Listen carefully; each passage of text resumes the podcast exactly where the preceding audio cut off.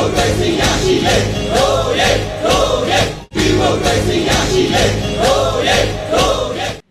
မင်္ဂလာပါကျွန်တော်ဒေါက်တာဖြိုးတီဟာရေးထားတဲ့ပို့အဆင့်မြင့်တဲ့ version ဆိုတဲ့စာလေးတစ်ပုဒ်ကိုဖတ်ပြပေးပါမယ်ပို့အဆင့်မြင့်တဲ့ version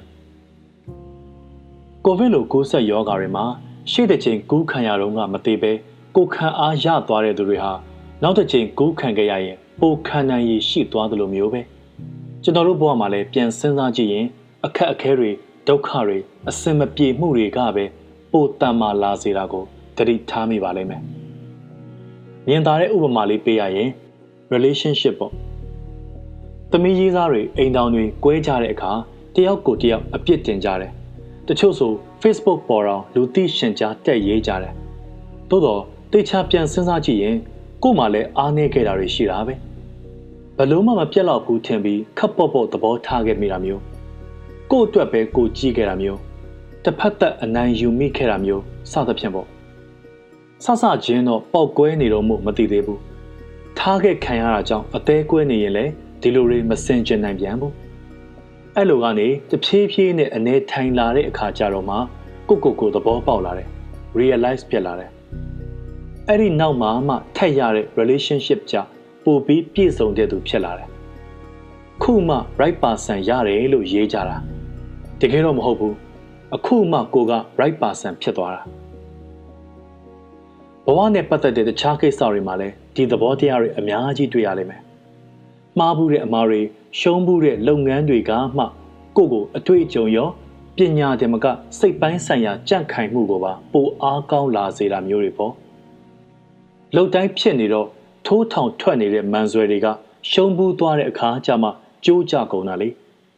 ပြောရရင် ရှုံးနေခြင်းတွေကစိတ်ပိုင်းဆိုင်ရာတန်မာမှုတင်မကဘူးရင့်ကျက်မှုကိုလည်းပေးစွမ်းနိုင်တယ်ကျွန်တော်ဆိုပြောကြတယ်ခုနောက်ပိုင်းစိတ်နဲ့ပတ်သက်လို့ရေးတဲ့စာတွေကပိုနက်နဲလာတယ်တဲ့ကိုကိုကိုလည်းသတိထားမိပါတယ်သူများအတွက်ဘာမှမဟုတ်ဘူးဆိုရင်တော့ကိုကိုကိုနဲ့ပဲပြန်နှိုင်းရှင်ရရင် ခုရေးနေတဲ့စာတွေက ပျော်ရွှင်ပါစေစာအုပ်ထက်အများကြီးပိုလေးနက်လာတယ်ဒါကလည်းတခြားကြောင့်မဟုတ်ဘူးဒီကာလအတွင်းဖြစ်ရတဲ့ပြိုလဲမှုတွေကိုကုစားရင်းကဒီအခြေအနေရောက်လာတာပဲဒီလိုစာတွေရေးဖြစ်လာတာပဲအခုစာအုပ်သစ်ထွက်တော့မယ်ဆိုတော့မိတ်ဆွေတချို့ကပြောတယ်ဒီစာအုပ်ကပုံမှန်အချိန်သာဆိုအများကြီးရောင်းရမှာတဲ့ကျွန်တော်ပြုံးမိတယ်တကယ်ဆို ဒီမတရားအာဏာသိမ်းမှုသာမဖြစ်ခဲ့ရင်ကျွန်တော်ဟာအဲ့လိုစာတွေကိုဘလို့မှကိုရေးနိုင်ခဲ့မှာမဟုတ်ဘူးဆိုတာပဲအလုပ်တွေလုပ်လိုက်စီးပွားရှာလိုက်ပိုက်ဆံစုလိုက်နေပဲဘဝကိုဖျက်ဆီးနေမိမှာခုတော့ကိုကိုကိုပြန်သုံးသပ်ခွင့် self reflection လုပ်ခွင့်ရလိုက်တယ်ပဲဆိုရမယ်ဒီလိုနဲ့ဗုဒ္ဓအဆုံးအမတွေကိုကိုယ်တိုင်လည်းတတ်နိုင်သလောက်လက်တွေ့အသုံးချရင်းစာဖတ်သူတွေကိုပြန်မျှဝေဖြစ်တဲ့အခြေအနေရောက်လာခဲ့တာပါ အခက်အခဲတစ်ခုဖြစ်လိုက်တယ်ရှုံးနေမှုတစ်ခုကြုံလိုက်တယ် relationship တစ်ခုပြိုကွဲသွားတယ်ကျွန်တော်တို့စိတ်တွေညစ်တယ်လမ်းပြောက်တယ်ပြိုလဲတယ်ပြီးတော့အဲ့ဒီအခြေအနေအစ်နဲ့အဆင်ပြေအောင်ပြန်စူးစမ်းနေထိုင်တယ်ကုတ်လုပ်တယ်အဲ့ဒီအခါ application တွေလို့ပြောရရင်ပို့ပြီးအဆင့်မြင့်တဲ့ update ဖြစ်တဲ့ version တွေ2.0 3.0စသဖြင့်ဖြစ်လာတယ်ကိုကြော်ဖြတ်ခဲ့မှုတဲ့အခက်အခဲတွေ အခိုက်အတန့်တွေရဲ့အရေးအတွက်ပေါ်မူတည်ပြီးတယောက်နဲ့တယောက်ရဲ့ version တော့မတူကြဘူးသို့တော့တေချာတာကကိုမိဘကနေစပြီး develop လုပ်ဖန်တီးလိုက်တဲ့ကိုးဆိုတဲ့ application ဟာစထုတ်လို့တုံးကပုံစံနဲ့တော့လုံးဝမတူတော့ဘူးဒါဘာကြောင့်လဲဆိုဘဝမှာကြုံတွေ့ရတဲ့အခက်အခဲတွေမျှော်လင့်မထားပဲဖြစ်လာတာတွေအစိုးတရားတွေကြောင့်ပဲဒါပေမဲ့လူတိုင်းကတော့အဲ့လိုအဆင့်မြင့်သွားကြတာမဟုတ်ဘူး ကိုဗစ်ပိုးကူးစက်ခံရပြီးအသက်ဆုံးပါသွားသူတွေရှိသလိုဘဝရဲ့အခက်အခဲတွေကိုအရက်တောက်ရင်းမိုးရစ်စေးသုံးရင်းစိတ်ထွက်ပေါက်တွေပေးရင်းအရှုံးပေးနေတဲ့သူတွေလည်းရှိတာပဲဒါကြောင့်ကြုံလာရသမျှကိုမှန်ကန်စွာနှလုံးသွင်းပြီးရှေ့ဆက်နိုင်ဖို့တော့အရေးကြီးတယ်ဒါမှကိုဆိုတဲ့ application က version မြင့်သွားမှာဘယ်တော့မှဒီလို update လုပ်တဲ့ဖြစ်စဉ်ကြီးပြီးသွားမှာလဲဆိုတော့တည်တော့မှပဲပြီးမှာ အဲ့ဒီမတိုင်ခင်တော့ခုလိုပဲဒုက္ခတွေကြုံလိုက်ကုတ်လုပ်လိုက် version မြင့်သွားလိုက်နဲ့ခရီးဆက်နေရအောင်ပါပဲ10.0ဆိုပြီးပြီလား20.0မှရက်မှာလားဆိုတာတွေလည်းဘယ်သူမှမသိဘူးကို့အလုပ်ကအခက်အခဲတွေကြုံလာတိုင်း update ဖြစ်သွားအောင်စ조사ဖို့ပဲနိုင်ငံအနေနဲ့ပြောရရင်လည်းဒီလိုပဲခုကာလာကြီးကအားလုံးအတွက်စိတ်ပင်ပန်းစရာတိတ်ကောင်းပါတယ်သို့တော့ ဒီတော်လန်ရေးတာမျှော်မှန်းထားသလိုအနိုင်ရသွားရင်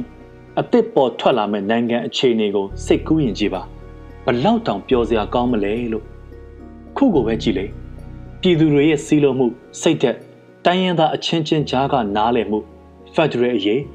လူအခွင့်အရေးတွေကိုနားလည်သဘောပေါက်မှုကြားမှတန်းတူညီမျှမှု LGBT တွေအပေါ်ရှုမြင်မှုဘာသာရေးနဲ့ပတ်သက်တဲ့အမြင်စသဖြင့်စသဖြင့် ကဏ္ဍအသီးသီးမှာမပြည့်စုံသေးဘူးဆိုရင်တောင်2020ကထက်တော့မြမလူအဖွဲ့အစည်းဟာပိုအဆင့်မြင့်လာတာကိုသတိထားမိလိမ့်မယ်မြန်မာနိုင်ငံ Federal Democracy ရသွားရင်ကျန်တဲ့နိုင်ငံတွေမော့ချီရလိမ့်မယ်လို့တော့ဂုံစာပြီးမပြောချင်ဘူးသို့တော့ကျွန်တော်တို့နိုင်ငံမတိုးတက်ခြင်းဟာမြန်မာတွေအသုံးမချလို့မကြိုးစားလို့ညံ့လို့မဟုတ်ဘူးစစ်အာဏာရှင်တွေရဲ့အုပ်ချုပ်မှုကြောင့်စနစ်ကမကောင်းလို့သာဖြစ်နေရတာပဲ ဒါကြောင့်ဒီပြဿနာအရင်အမြစ်သာပြေလည်သွားရင်ကျွန်တော်တို့နိုင်ငံဟာတခြားသောတိုးတက်တဲ့နိုင်ငံတွေလိုပဲဖြစ်လာမှာပဲနေရာမှန်ပြန်ရောက်လာမှာပဲအကျိုးတရားလိုချင်ရင်အကြောင်းတရားကို ဖြည့်ဆည်းရသလိုအကြောင်းတရားတွေပြည့်စုံသွားရင်လည်းဆိုင်ရာအကျိုးတရားကမလွဲမသွေရလာမှာဖြစ်ပါတယ်။သို့တော့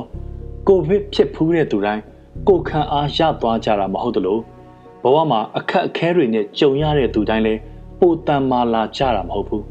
။ဒီအခြေအနေဒီအစိုးတရားတွေကိုကြော်လွန်နိုင်အောင်စ조사နိုင်မှသာကျွန်တော်တို့နိုင်ငံဆိုတဲ့ application ဟာလည်းပိုအဆင့်မြင့်တဲ့ version ဖြစ်လာမယ်ဆိုတာကိုသတိချက်စေချင်ပါတယ်။ဒီအတွက် version အသစ်မြန်မာနိုင်ငံဖြစ်လာဖို့ကိုမလျှော့သောဇွဲနဲ့လက်တွေ့အားထုတ်မှုတွေနဲ့စ조사ကြဖို့တော့လိုပါတယ်။ဒေါက်တာဖြိုးတီဟာ 10ရက်2လ2022ကျေးဇူးတင်ပါတယ်ဗျာ။